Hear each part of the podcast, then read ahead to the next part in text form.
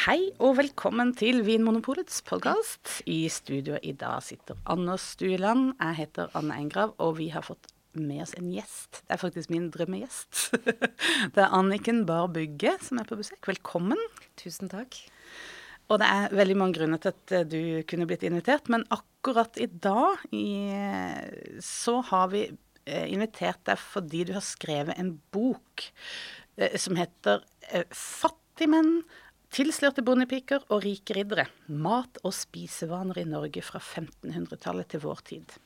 Kjempespennende bok. Den er jo ikke akkurat ny, den kom ut i 2010, nei, 2019.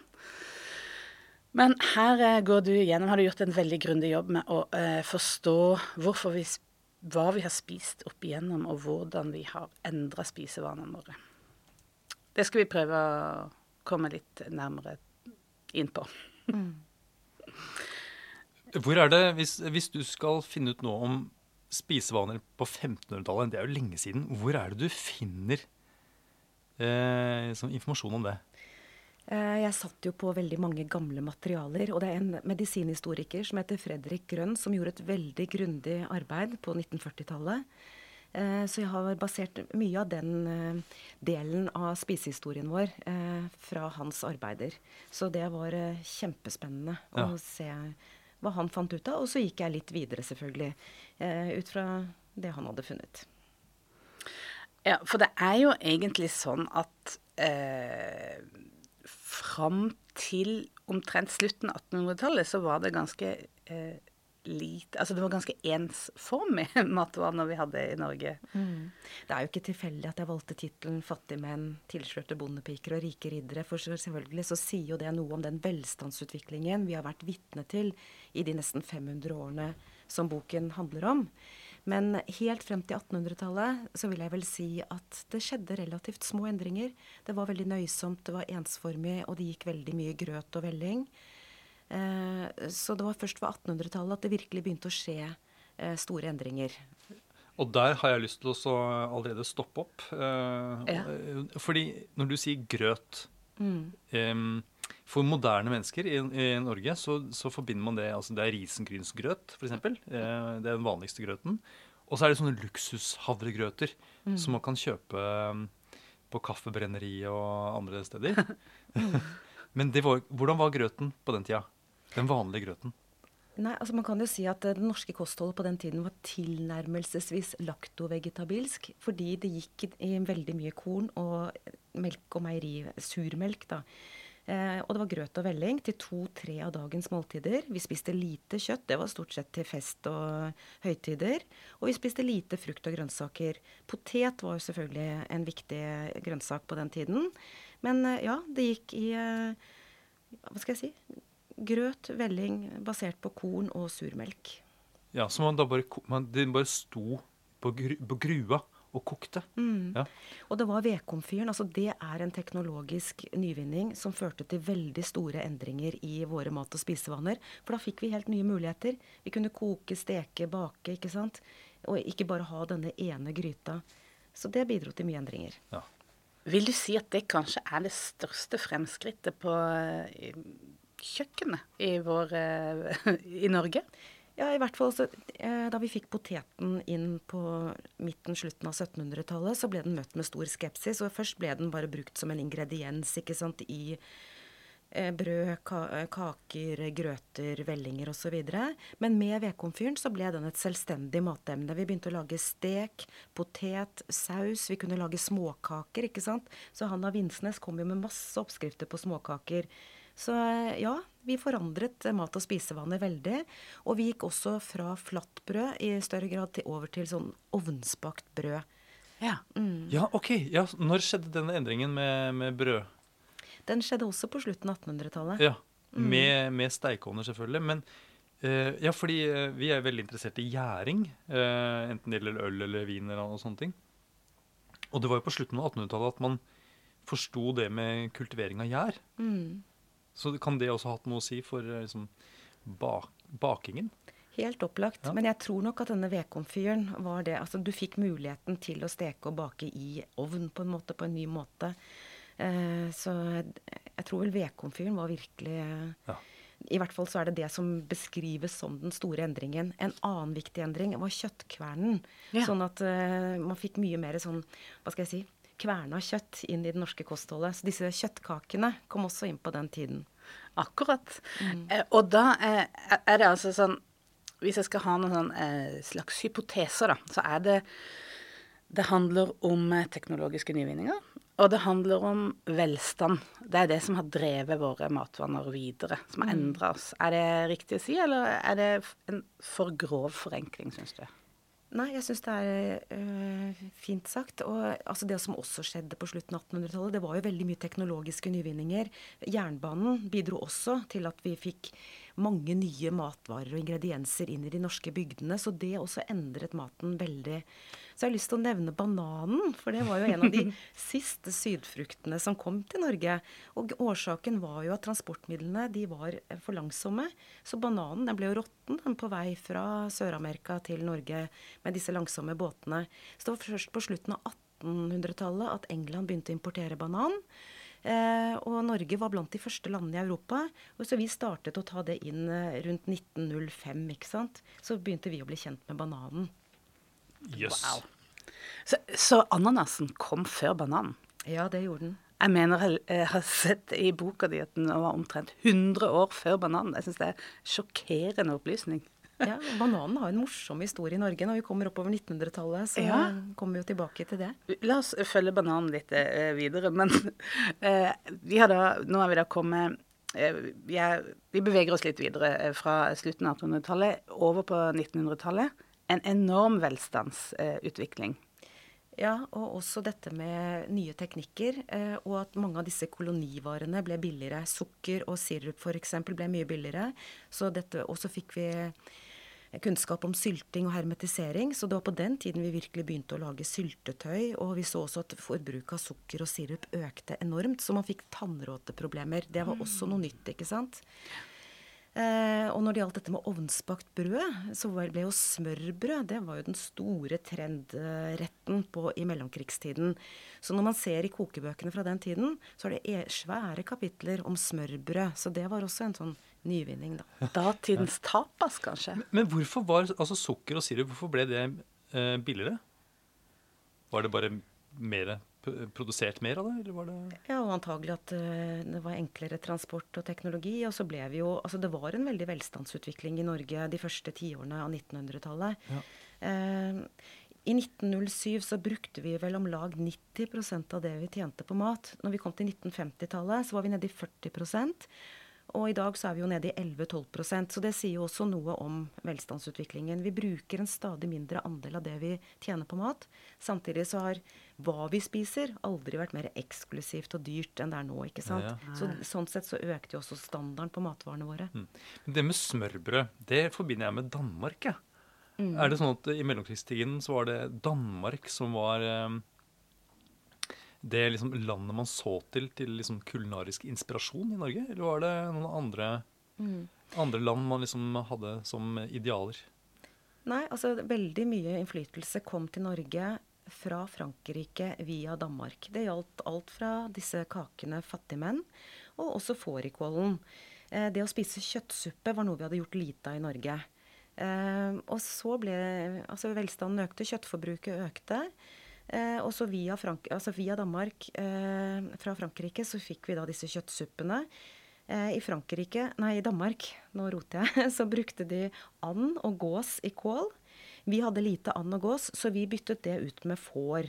For det var det vi hadde tilgang til. Og slik sett så fikk vi denne fårikålen. Så det er et eksempel på fransk og dansk innflytelse på norsk spisemønster. Ja, og jeg har faktisk sett også på eh, altså, sånn franske kokebøker, som også and med kål, faktisk. Så det har ja, noe til felles der, ja. Og man ser på, når jeg ser på sånne gamle kokebøker som Schönberg Erken og sånn, alle oppskriftene er på fransk. Mm. Og vi har bedt om, uh, i anledning Vinmonopolets 100-årsjubileum, så har vi undersøkt en del sånn ulike menyer som har blitt servert i 1922, som er Vinmonopolets stiftelse. Så sånn Grand Café, Hotell Britannia og Teaterkafeen, til og med Slott Lotte har sendt inn eh, gamle menyer. Og alt er jo fransk. Mm. Det er jo en veldig sånn distanse, egentlig, det skaper til den der eh, fine matkulturen. var jo eh, fransk. Mm. Franske ord, i hvert fall. Schönberg Eiken var jo en representant for det man kaller bykosten. Et viktig skille den gangen var skillet bondekost og bykost. Og bykosten var på en måte mye mer åpen for endringer. Eh, og tok i bruk det nye. Og når eh, folk tok med seg dette var bymaten på landsbygda, så ble det gjerne sett på som sånn jåleri og snobberi. Men likevel, det, det sivet inn via embetsmenn osv. Og, så og danske folk inn til, på landsbygdene i Norge. Og det med bykosten, det handla vel litt om tilgang på råvarer, og at er i nærheten av en havn som hadde mm. eh, da, Det kom jo varer Altså, vi importerte jo matvarer eh, ganske lenge før dette også. Vi har jo hatt en import av matvarer i lang tid. Ja, altså I uminnelige tider så har vi jo mottatt impulser fra andre land. I, i bytte ikke sant? Vi eksporterte tre, eh, treverk og fisk, og så fikk vi spennende mat og ingredienser, viner osv. tilbake til Norge. Så i uminnelige tider har vi jo mottatt ja, nye impulser fra andre land. Så jeg sier jo at pepperkaker, kneippbrød, gulost, altså alt det vi oppfatter som veldig norsk, det er jo et resultat av innflytelse med andre land. Mm. Eller samhandling med andre land. Men samtidig så blir det noe særegent norsk fordi vi, sånn som med fårikålen, vi lager det slik at det passer inn i en norsk kontekst. Mm. Så det er jo også veldig spennende. Mm. Men det er allikevel litt skuffende, kjenner jeg nå. når jeg, når jeg får vite at fårikålen er egentlig ikke helt norsk. Og jeg, eh, jeg tror at hvis du hadde spurt eh, mannen på gata, hvis han kaller det, hvor gammel er fårikålen? Så ville de sagt ja, flere hundre år gammel. Den har vi alltid hatt. Ja. Men eh, hvis, hvis, vi alle visste at eh, fårikålen eh, kom til Norge i, liksom, på, på 1920-tallet eller eh, der omkring, ja. hadde den hatt samme posisjon da, tror du, nå? Den er jo kåret til Norges nasjonalrett ved to anledninger. Jeg tror det skal være en ny kåring nå. Ja. Eh, men det å koke kjøtt i kål, det gjør man jo i nesten alle verdens land. Ja. Eh, men man velger jo selvfølgelig hvilke kjøtttyper som egner seg best i det respektive landet, da. Men eh, nei, fårikål var jo også yndlingsretten til Henriette Schjønberg Erke. Hun var jo god til å på en måte markedsføre denne retten ja. da. Ja, det kan jo ha noe med det å gjøre, det. Men hun hadde sansen, hun. Um, jeg er glad i fårikål, jeg også, altså. Men, uh, men fins det da noen matretter som du tenker er liksom virkelig erkenorsk? Noe som har som startet her i Norge? Rakefisk og lutefisk er vel uh, sånne typiske norske retter. Men noe som går for å være helt særegent norsk, er faktisk melkebaserte fiskesupper. Så da Toro kom med sine posesupper på 60-tallet Det er et eller annet med å tilpasse nye ting til den norske ganen. Det første produktet de lanserte, det var bergensk fiskesuppe. Og den eh, tok jo markedet med storm, ikke sant. Så melkebasert fiskesuppe er faktisk noe som blir ansett som særegent norsk. Akkurat. Ja, for det, noe, ja, for det får man jo på franske restauranter nå. Man får jo altså, fiskesupper som er fløte Gjør man det? Som det er fløte i. Akkurat. Jeg trodde bare det var sånn bolognese. Ja, jeg, jeg syns du husker det. Det, det kan jo være det ikke er tilfellet, men jo, samtidig ja. så er det en oppfatning om at Det er gøy. Men melk, og særlig surmelken, har spilt en enormt viktig rolle i den norske matkulturen. ikke sant? Og den er jo litt på vei tilbake nå. Ja. Ja, ikke sant? Ja, ja, ja. Og jeg syns eh, eh, Hvis vi skal eh, bare snakke om den her, eh, bevegelsen som vi har gått gjennom, for det er jo ganske mm. stor endring på de siste hundre åra. Tenk på hvor stillestående det var tidligere, holdt jeg på å si. Mm. Eh, eh, og det er den der endringa fra å spise konservert mat Matlaging handler om, å, handler om å konservere. Til nå i dag der vi bare skal ha det ferske. Mm. Det nyplukka nyslakta, eh, nymelka. Ja. Det, det, sure og det salte, eh, altså det syrlige, ikke, ikke i form av sitron, men i mer sånn eh, surmelk og eddik. Det er ja. ikke så eh, høyt i kurs som eh, det gjorde. Og det, det, ferske og det søte, det står høyt i kurs. Nå får jeg lyst til å større dere et spørsmål. For ja. nå tror dere at de fleste hjem i Norge fikk kjøleskap? Jeg har lest boka di, og jeg, jeg ble sjokkert. Men Anders? Eh, når de fleste hjem fikk kjøleskap Jeg ville jo da sagt 60-tallet. Mm. Ja. Så flink du er. Ja. det er helt riktig. Men altså, tenk deg, jeg ja. syns jo det er egentlig ganske seint. Fordi ja. før 60-tallet så var det helt opplagt. Det var korte sesonger.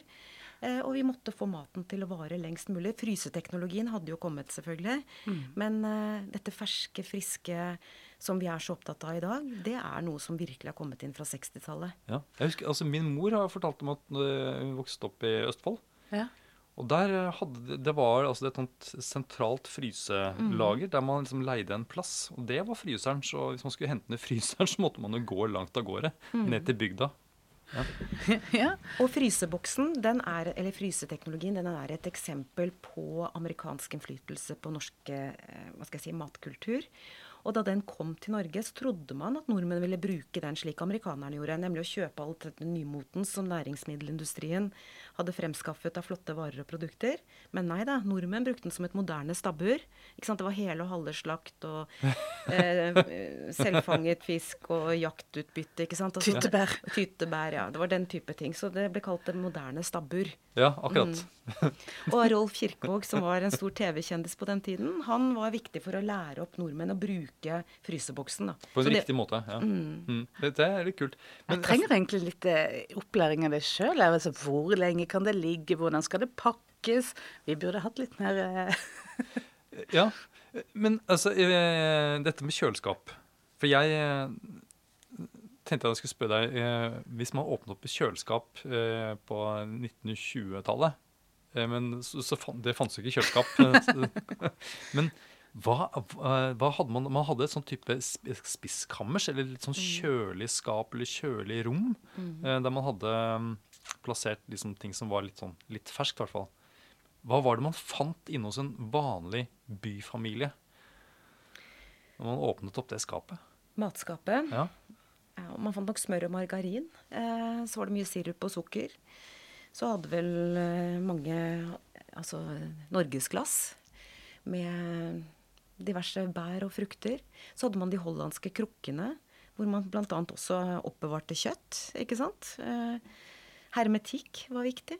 Mange, vi spiste jo veldig mye potet.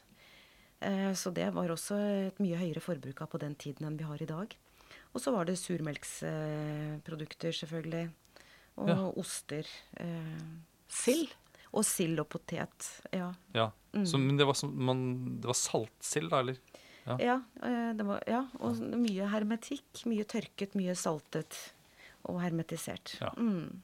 Så ikke så mye ruccola Avokado. Avokado og sånne typer. Nei, det er totalt ny verden. vet du. Lite, lite grønt. Mm. Ja. Men det var jo en voldsom boom da vi kom liksom til 1900-tallet. Ting eh, tok helt av. Og så kom krigen, andre verdenskrig. Mm. Det var jo et, eh, et skille sånn eh, Alt stoppa liksom opp. Ja, for det hadde, det hadde jo vært en veldig sånn, hva skal jeg si velstandsutvikling, og vi hadde fått masse nye varer. Næringsmiddelindustrien hadde produsert masse spennende produkter. Og så kom krigen, og det gikk ganske kjapt eh, til det ble mangel på matvarer. Og det som kanskje overrasket meg mest, det var hvor lenge rasjoneringene varte. Vi snakker om rasjoneringer av mat helt frem til 1952. Ja. Og selv om mat og drikkevarer ikke var rasjonert lenger, så var det absolutt ikke sikkert at det var å finne i butikkene. Så matmangelen var stor, og det var faktisk mange som var veldig sultne. Men det som også var morsomt å se, var hvor kreative folk var. Mm. Det ordtaket 'nød lærer naken kvinne å spinne', det var virkelig tilfellet. Så de var jo så gode på å finne erstatninger, lage surrogater ikke sant, og gjøre nye ting. da. Og så syns jeg det er interessant, eh, jeg leste i boka di at den her eh, tannråteproblematikken som, som kom etter mm. sirupen kom, den måte Det problemet ble litt løst med krigen, da. Eller det stoppa litt opp. At det ble liksom ikke så stort problem etter eh, med de barna som vokste opp eh, i krigsåra. Nei. Og det samme med hjerte-kardødeligheten. Så faktisk sant? var det kanskje nesten litt sunt, men det, det, opplevdes jo ikke sånn. Og når jeg ser på materialene mine, så spør uh, intervjuere om man har tatt vare på noe av det man gjorde under krigen. Eller lært noe. Nei, det var om å gjøre å bli kvitt det fortest mm. mulig fordi det var så vanskelige år. Mm. Ja. Så, men sånn langtidseffekten på folkehelsa har faktisk ikke hatt så, altså, Nå er jeg ikke respektløs her, altså, men jeg bare tenker at det har ikke hatt Den sulten de opplevde, var ikke eh, nødvendigvis dårlig for folkehelsa. Nei, men det som jeg syns ble veldig hva skal jeg si, sånn slående, det var hvordan holdningene preget den generasjonen som opplevde krigen. De kastet jo ikke mat. altså Det å kaste mat ble på en måte så feil. Så mm. det har jo forsvunnet. altså Jeg tenker at den generasjonen etter krigen, også generasjonen etter der igjen, de var så utrolig gode på det å ivareta ressursene. Ja. Hadde på en måte en helt annen bærekraftig holdning da, til maten enn det min generasjon har, som vokste opp på 70-tallet. Mm. Hvordan det å kaste mat plutselig ikke har blitt noe problem lenger. Og så er det noe med det eh, den derre skillet mellom det å være matprodusent Altså at det er maten lages i hjemmet til å være en forbruker, som kanskje også skjedde da på 50-tallet. At du at det eh, skiller mellom det å, å, lage alt og ha et forhold til råvarer som mm. var nærmere eh, naturen, enn, og det å, å, kjøpe inn ting som var på en måte mer bearbeida. At du kanskje fikk en større distanse til det. Fikk ikke den eh, nærheten lenger. Nei, det kan, kan godt være. Ja. Altså Den forrådshusholdningen ble jo gradvis erstattet av det vi kaller en forbrukerhusholdning på begynnelsen av 1900-tallet. Og det jeg syns er litt morsomt, i dag er vi jo så veldig opptatt av hjemmelaget mat. Men da næringsmiddelindustrien kom med masse nye produkter på begynnelsen av 1900-tallet, så var jo bl.a. ingeniørene ved NTH, altså Norges tekniske høgskole, utrolig kritiske til gammeldagse husmødre som fortsatt drev og lagde hjemmelaget mat, når de kunne kjøpe alt dette nye, fine som næringsmiddelindustrien fremskaffet. Så det ble så tydelig for meg da jeg jobbet med boka, hvordan kjøkkenet speiler tidsånden. Ikke sant? Og tidene som forandrer seg. Så liksom, da var ferdigmat veldig fint. Og i dag så blir det sett veldig ned på, ikke sant. Mm. Men eh, ja, hva var det næringsmiddelindustrien hadde utviklet da på den tiden som Masse kjøtt- og fiskehermetikk, f.eks. Ja, nettopp. Mm. Så det var hermetikken som var hva skal jeg si, ferdigmaten på den tiden? Ja, og så fikk du disse søte påleggene. Sunda og den type ja. ting. Banos? Hva det, ja, det, kom, det kom vel også i, i løpet av de Nettopp, der dukker bananen opp igjen. bananen dukker opp. Bananen den hadde ikke nordmenn smakt. Altså den, all bananhandel stoppet da andre verdenskrig brøt ut, og vi greide oss uten banan i seks år. og det hadde tydeligvis vært et stort savn, fordi da bananen kom tilbake, så lå jo også på Norsktoppen denne Arve Oppsal sin sang 'Det kommer en båt med bananer'. Ikke sant? Det var jo sånn feststund. Og så var det også intervju med en mann som hadde vært eh, ja, Han var vel født på eh, begynnelsen av 40-tallet. Og hvordan han beskrev dette med å få banan på julaften, en halv banan, som et av hans fineste barndomsminner på begynnelsen av 50-tallet. Det er jo ganske sterkt. Ja, ja. Så det var fest. Ja, og så tenker jeg, I dag kaster vi nærmere 70 000 bananer hver dag. hver dag? Hver dag. Og denne gutten hadde fått en halv banan på julaften, og det var hans fineste barndomsminne. Så det er jo noe som har skjedd med våre ja. holdninger til mat. Ja, det her det, ja, det, fikk, Nå fikk jeg rett og slett en dårlig smak min. Men ehm, ja, Banos, Sunda og liksom sjokoladepålegg og sånt, nå er det sånn, sånn som dukker opp eh, i mellomkrigstiden? Ja, du får i hvert fall Regia kakao ble en sånn kjempesuksess. fordi at eh, på slutten av 1800-tallet var man jo veldig bekymret for barns drikkevaner. For de drakk jo så mye kaffe. Eh, blant annet. Også sånne lette øltyper. Hvem var det som var bekymret? Var... Legene. Det Legene, var i disse medisinalberetningene fra slutten av 1800-tallet. Eh, Men hva var, hva var det man tenkte var effekten, eller den negative effekten? Eh, av barn? mye kaffedrikking? Ja. Jeg vet ikke helt, men de var så i hvert fall på det som veldig usunt. Og vi ønsket å erstatte dette med melk. Men melken smakte jo sikkert ikke så godt i og med at man hadde jo ikke så gode kjøleteknologier. Men noe som endret barns melkeforbruk i Norge veldig, var denne Regia-kakaoen. Da eksploderte melkesalget, eh, og folk, barna begynte å drikke kakao. Jeg syns jo det er morsomt, for jeg tenker på kakao og sjokolade sånn som sånn, sånn eh, luksus og, og liksom sånn nytelsesgreie, Men det hadde ikke helt den samme Eh, effekten det å bare si mm, det er kjempegodt eh, på den tida. Og eh, jeg syns den historien om Kvikk Lunsj også er veldig morsom. Da Kvikk Lunsj ble til, så var det som en eh, eh, inspirasjon fra eh, polekspedisjonen til mm. Amundsen, var det? Mm. Mye av den turmaten var inspirert av det, for de utviklet jo mat til han, ikke sant? Ja. Det gjelder også mange av disse kjekstypene. Gjendekjeks og mariekjeks. Det handlet om å gi folk næring. ikke sant? Og det var jo det samme med kakaoen. Den ble jo ikke sett på som noe usunn. Når du tenker skolemelkdiskusjonen i dag, Nei. så er jo sjokolademelk fy-fy. Men de tenkte at det hadde viktige næringsstoffer for barn. ikke sant? Og jeg hørte noe om at da denne her Kvikk Lunsjen skulle eh, være tilsvare en dagsrasjon som Amundsen skulle Altså, de hadde liksom oversatt mm. eh, en matpakke. Sånn eh, to skiver brød og et glass melk i form av en kjekssjokolade mm. eller noe sånt. At det var sånn det ble innført på markedet, da. Det mm. var eh, salgspitchen, som vi ville sagt. Nettopp. Som, som en form for astronautmat eh, på den ja. tiden. At, eh, ja. Det, det, viser en sånn andre forhold til dette her med nytelse. At det kanskje ikke var topp prioritet. Ja, og dette med barn er veldig interessant. I dag så snakker vi jo selvfølgelig om å bytte ut denne matpakken og den kalde skolematen med varmt måltid. Mm. Men i mellomkrigstiden var det jo helt omvendt. Da var det denne skolelegen som heter Carl Schjøtz, som innførte Oslo-frokosten. Og det var i kjølvannet av oppdagelse av vitaminene. Han ønsket at vi skulle spise mindre kokt mat og mer rå, eh, kald mat fordi det inneholdt mye mer vitaminer. Så det var jo mm. han som fikk innført dette brødmåltidet med gulrot og kålrot, appelsin og tran i måneder. Eh, uten Eller med R Nei, ja, med R, ja. Mm. han var en representant for raw food. ja. OK. Ja, det er altså så, det er så spennende, jeg syns jeg. Men uh, skal vi videre i uh... Jeg har et spørsmål til. Ja? Uh, fordi jeg, jeg har ungdommer hjemme. Mm. Og ungdommene de er interessert i en annen type mat enn det jeg er interessert i. Nå er jeg nysgjerrig. ja, det går jo mye liksom, De vil jo helst ha hamburgere og, og pommes frites og, og sånt noe. Ehm, men eh, er det sånn, i mellomkrigstiden fantes det, var det ungdomsmat den gangen? Altså Det som skjedde etter krigen, det var at vi fikk en veldig motvilje mot det tyske. Det er jo også en lang historie, det. Men, eh, og det amerikanske ble på moten. Det var både en takknemlighet ikke sant, overfor soldatenes innsats under andre verdenskrig, Marshall-hjelpen, og denne ungdomskulturen. Så på 50-tallet så fikk vi snackbar, pølseboder, ikke sant, eh, rock'n'roll, musikk, film.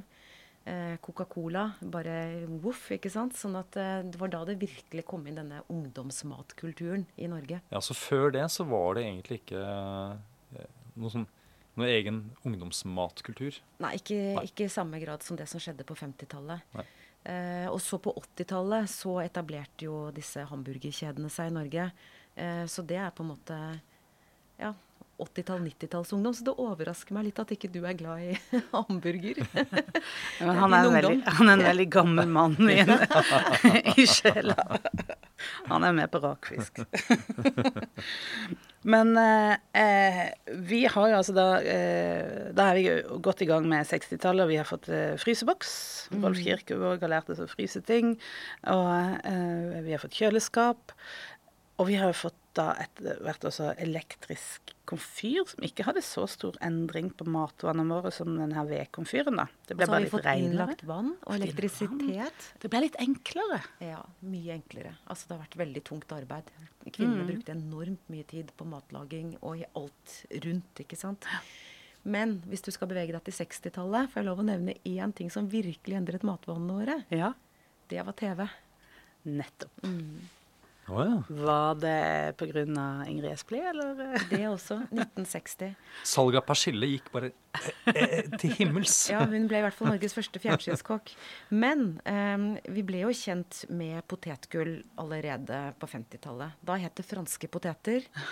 Og ble solgt, eller eh, brukt altså ved, ved siden av søndagsstek til konfirmasjonsmiddag og sånn finere måltider oh, ja. i borgerskapet. Ja, for det har vært borte, nemlig.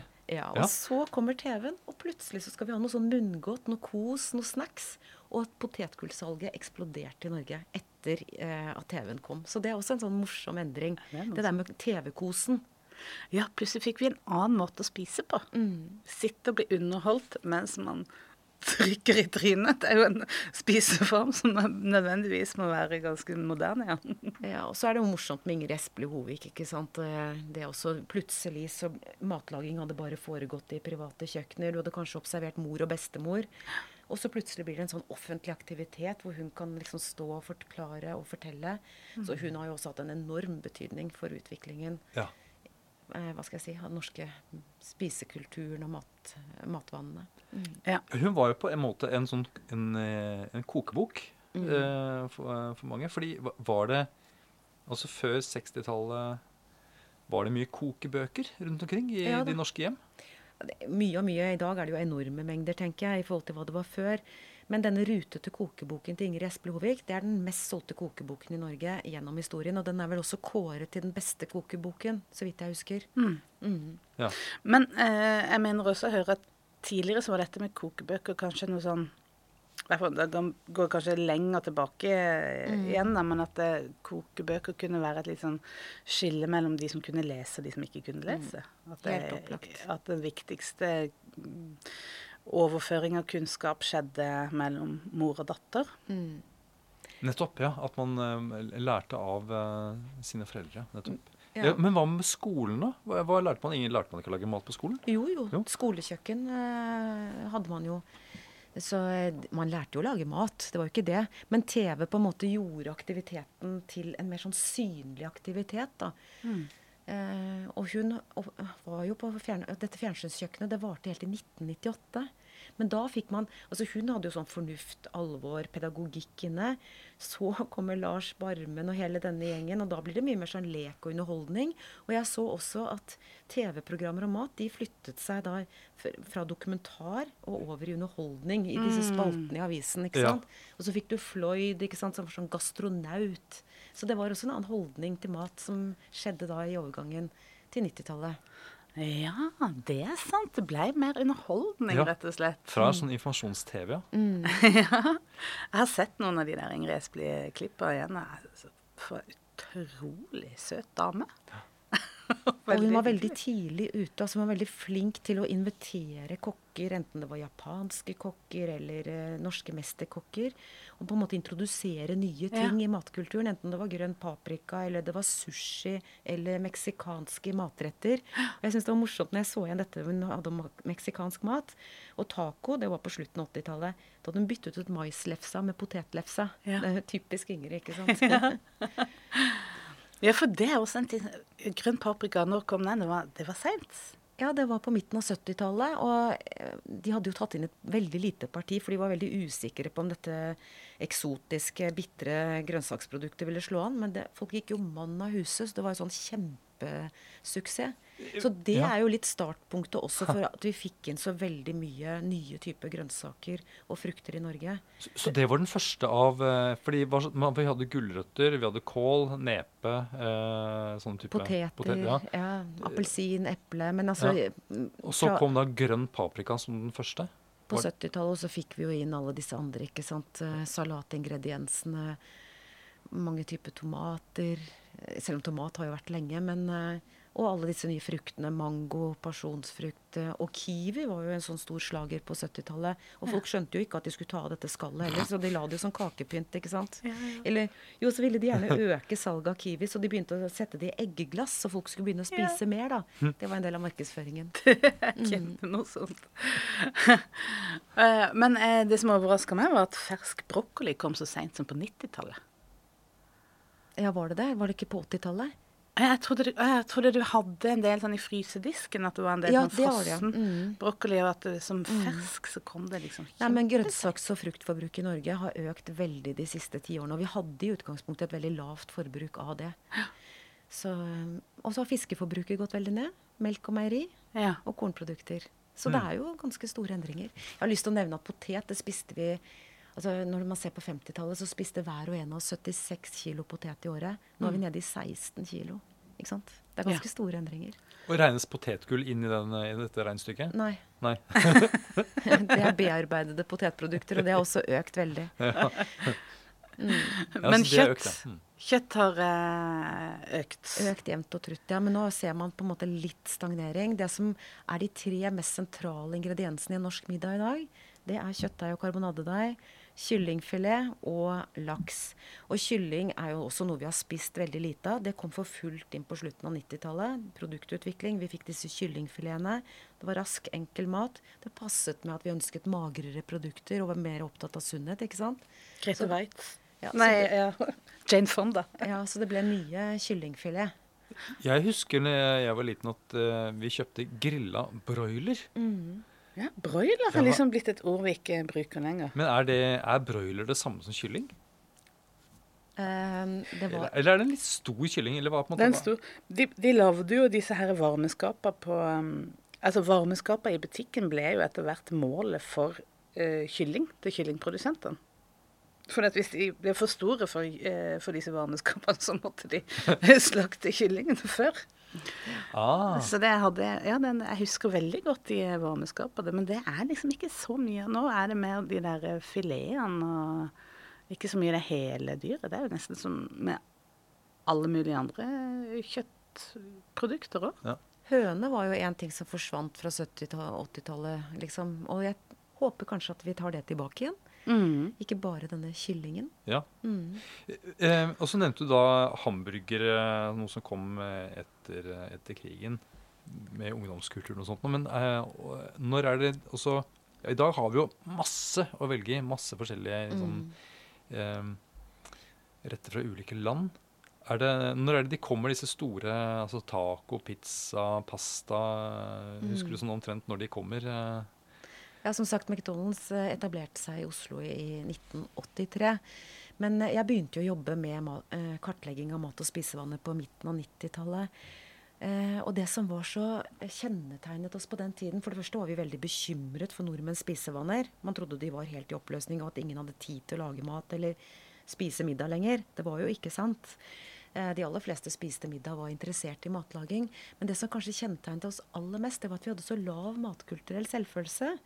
Alt det utenlandske var så mye mer spennende. Så vi hadde en veldig sånn tiltrekning. Så vi fikk veldig mye av det nye inn på 90-tallet. ikke sant? Og det var det italienske og det franske og det meksikanske. Det asiatiske. Eh, så taco kom for fullt. Pasta var jo kjempestort, ikke sant. Eh, og så eh, har man jo sett at vi med disse mesterkokkene som har gjort det så bra i internasjonale kokkekonkurranser. Arne Brimi som har framsnakka norske ingredienser og teknikker. Plutselig så har vi fått litt mer selvtillit på det norske.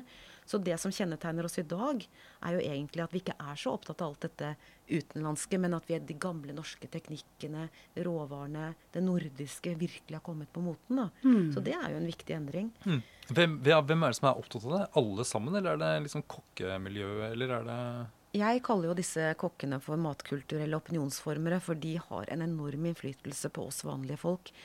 Ikke bare er de veldig synlige på TV og i alle mulige sånne kokkeprogrammer. De gir ut masse bøker, altså det er masse intervjuer med dem i aviser, magasiner. Så de påvirker oss i stor grad.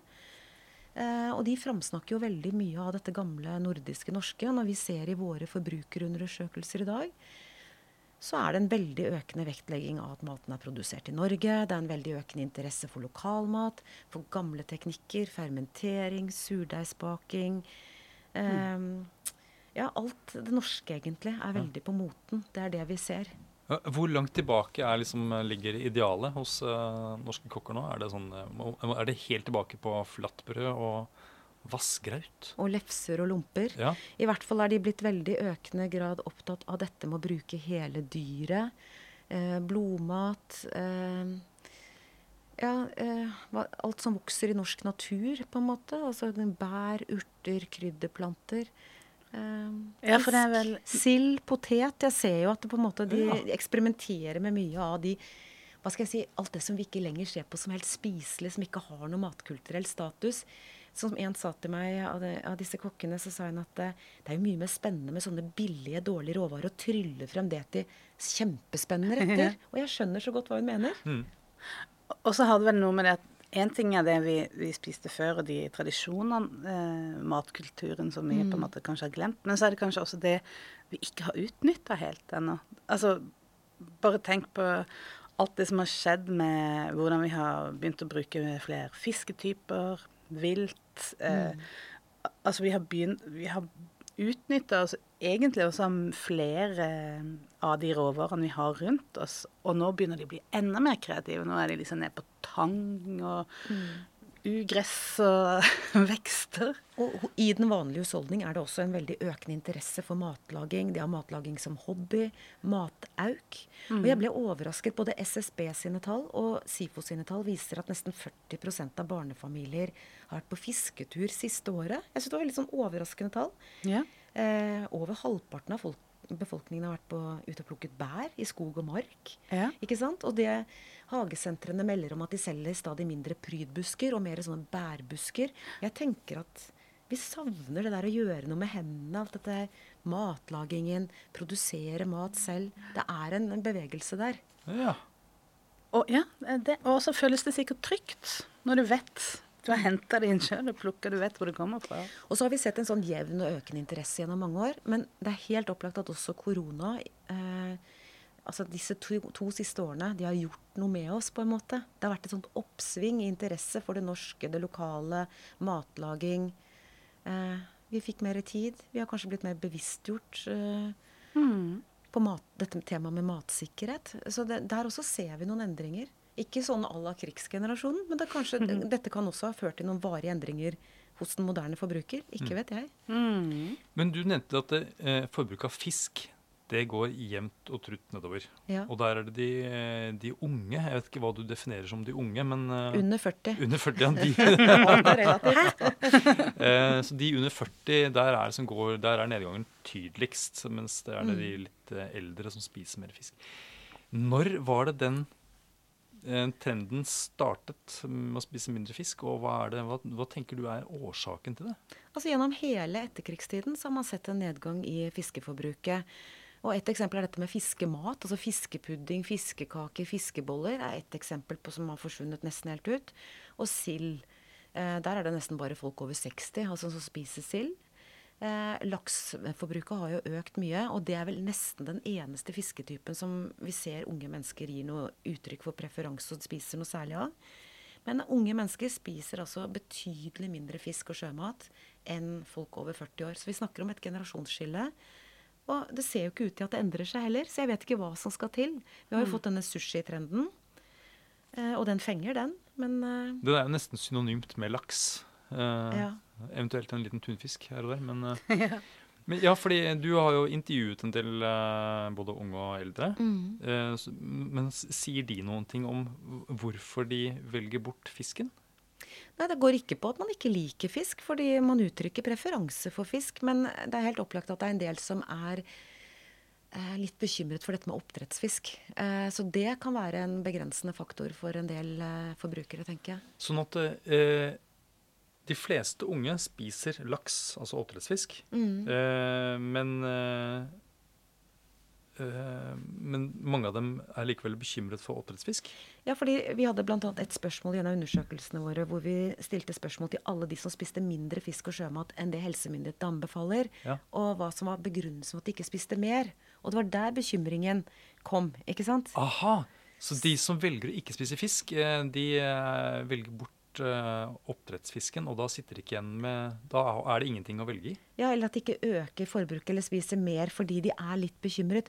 Og det, det er jo også en ting som preger dagens forbrukere. Vi er så bekymret. Mm. Og ikke sant, Jeg ser jo at disse matvalgene våre, vi er opptatt av at det ikke skal ha negative konsekvenser for vår egen helse eller våre omgivelser. Det være seg naturen, miljøet, miljøet klima, dyra, produksjonsarbeiderne. Altså Det er så mye dårlig samvittighet der ute. Og vi er veldig sånn usikre Eh, er det riktig? Er, hva er rett og galt, liksom, ut fra alle disse perspektivene? da? Ja. Og all denne kunnskapen vi har fått om hva maten består av. Det blir liksom teknisk, om mm. det er gluten eller om det er laktose eller liksom, alle disse tingene som gjør at vi begynner å analysere hva gjør det med oss. Hvordan føler jeg meg? Vi, vi, vi snakker jo ofte om forbrukermakt. Ja. At uh, liksom, butikkene tilbyr det som folk ønsker. Mm. Men uh, når det gjelder fisk, da, så tenker jeg at eh, det som hyllene er fylt opp av, er jo oppdrettsfisk. Mm. Eh, og veldig sjelden at det er noe annen fersk fisk å få tak i i vanlige matbutikker. Mm. Eh, men likevel så går folk da rundt og er bekymret for oppdrettsfisk og ønsker å spise mer fisk. Uh, for meg henger jo ikke det helt på greip. Det er noe som, er noe som ikke funker her. Mm. Er vi for prisgitt Altså, Før i gamle dager så fisket man mer selv. Man hadde kanskje dyr selv. Men altså, nå kommer alt via en sånn en, eh, en, en kuratert mathandel, da, mm. Eh, der man ikke har like stor grad av påvirkningskraft, egentlig. Mm. Er det, Hviler det et ansvar hos uh, Det hviler et ansvar hos alle. Men jeg tenker det er helt opplagt at den avstanden også gjør at mange forbrukere er i økende grad bekymret, samtidig som det er veldig mye informasjon. Så det jeg kaller matens biografi, er blitt viktigere for forbrukeren. De vil vite mer om hvordan maten de kjøper, er produsert. Så eh, alle disse hva skal jeg si, merkeordningene som har kommet, de ser vi at forbrukerne setter veldig pris på avhengig av hvilke verdier og preferanser de har. på en måte. Og Jeg har også lyst til å nevne dette med dyrevelferd, som også seiler opp som noe forbrukerne altså De ønsker jo ikke mat som eh, på en måte er produsert på en dårlig måte. Og samtidig har de kanskje ikke alltid valgmuligheter. Men jeg tror for fremtiden at vi kommer til å se en del endringer fordi produktbiografi blir viktigere for forbrukerne. Ja. Hm. Det jeg skulle ønske meg uh, i matbutikkene Ofte så går jeg i matbutikken, og så, så har de ikke lam, f.eks. Mm. Og så tenker jeg Åh, er det mulig? og hvis de hadde, så er det fra New Zealand. Ja, Men jeg kunne ønske at de hadde en, sånn, en iPad eller et eller annet sted. Jeg kunne bare som, skrive inn 'Jeg ønsker meg mm. ditten og datten'. En eller annen sånn uh, måte å liksom gi beskjed til, til butikken. Ja. Mm. Vær så snill, gjør det. Men uh, Anniken, eh, jeg tror vi er, vi er kommet Nå er vi i ferd med å eh, snakke om fremtida. Det tror jeg må bli en annen episode. Og hvis du skulle tatt med deg Du som har studert historien vår, matvanehistorien vår godt. Hvis du skulle tatt med deg Henta opp noe som vi skal ta med oss fra historien. Én ting, og én ting som vi kan legge igjen. på skraphaugen? Ja, på skraphaugen. Og du, du, har hele Norges eh, matvarer, spisehistorie å velge fra. Altså Det jeg pleier å si, det er at uh, jeg syns vi har så mye å lære av våre formødre og forfedre. For snakk om bærekraft, og snakk om innovasjon. Mm. Ikke sant? De hadde sparsomt med ressurser, sparsomt med penger. Men hva de greide å få ut av de ressursene, det tenker jeg at vi må bli mer kreative med ressursutnyttelse. Eh, og bruke mer av det som vi kan produsere selv i Norge. Men hva, sånn helt enkelt ja, Jeg er jo veldig er glad i poteten, da. Jeg tenker ja. at den kan brukes til alt. Og det er vel knapt noe som er mer bærekraftig eh, å produsere her i Norge. Den kan jo produseres stort sett overalt, og den kan brukes til alt. Så poteten har jeg lyst til at vi skal øke forbruket av. Eh, fra, altså, sånn som jeg sa, da. Fra 76 kilo på 50-tallet til 16 kilo i dag. Ja. Den bør vi virkelig spise mer av. Tenk det. Mm. Og, og, og mer fisk, da. Og så mer fisk, da. Fiskepotet. Ja, det er ikke så dumt. Det har, det, min far pleier å si det. Det har, slått, det har fostra opp flere enn det har slått i hjel. Ja. men, men uh, hva, hva, vil du legge igjen, da? Hva er det syns du vi skal droppe? Eller er ikke det jo, nei, konstruktivt? Det er, mye, det er så mye, sånn? det, vet du. Ja. Jeg syns jo det er alt den derre matkastingen, det at vi er så dårlige til å utnytte ressursene, er litt sånn uanstendig på en måte. Det at når vi først har slakta et dyr, bør vi bruke hele dyret. F.eks. en sau, altså melk, eh, skinn, ull, anolin, kjøtt. Altså bedre sånn ressursutnyttelse. Ja. Så ja, all den matkastingen tenker jeg vi bør legge fra oss. Ja, det er sant. Og det gjelder jo egentlig alle ledd gjennom verdikjeden. Jeg syns det er veldig klokt sagt, egentlig. Eh, jeg tror vi skal bare si tusen takk til deg, Anniken, for at du ville komme og fortelle så mye interessant. Og så oppfordrer jeg alle egentlig til å uh, se om de kan finne den boka di. for den, der er det mye morsomt, både av bilder og tekst. Takk for at du hører på Vinmonopolets podkast. Har du forslag til et tema i podkasten? Send mail til podkast at vinmonopolet.no. I tillegg svarer kundesenteret deg på e-post, chat og telefon.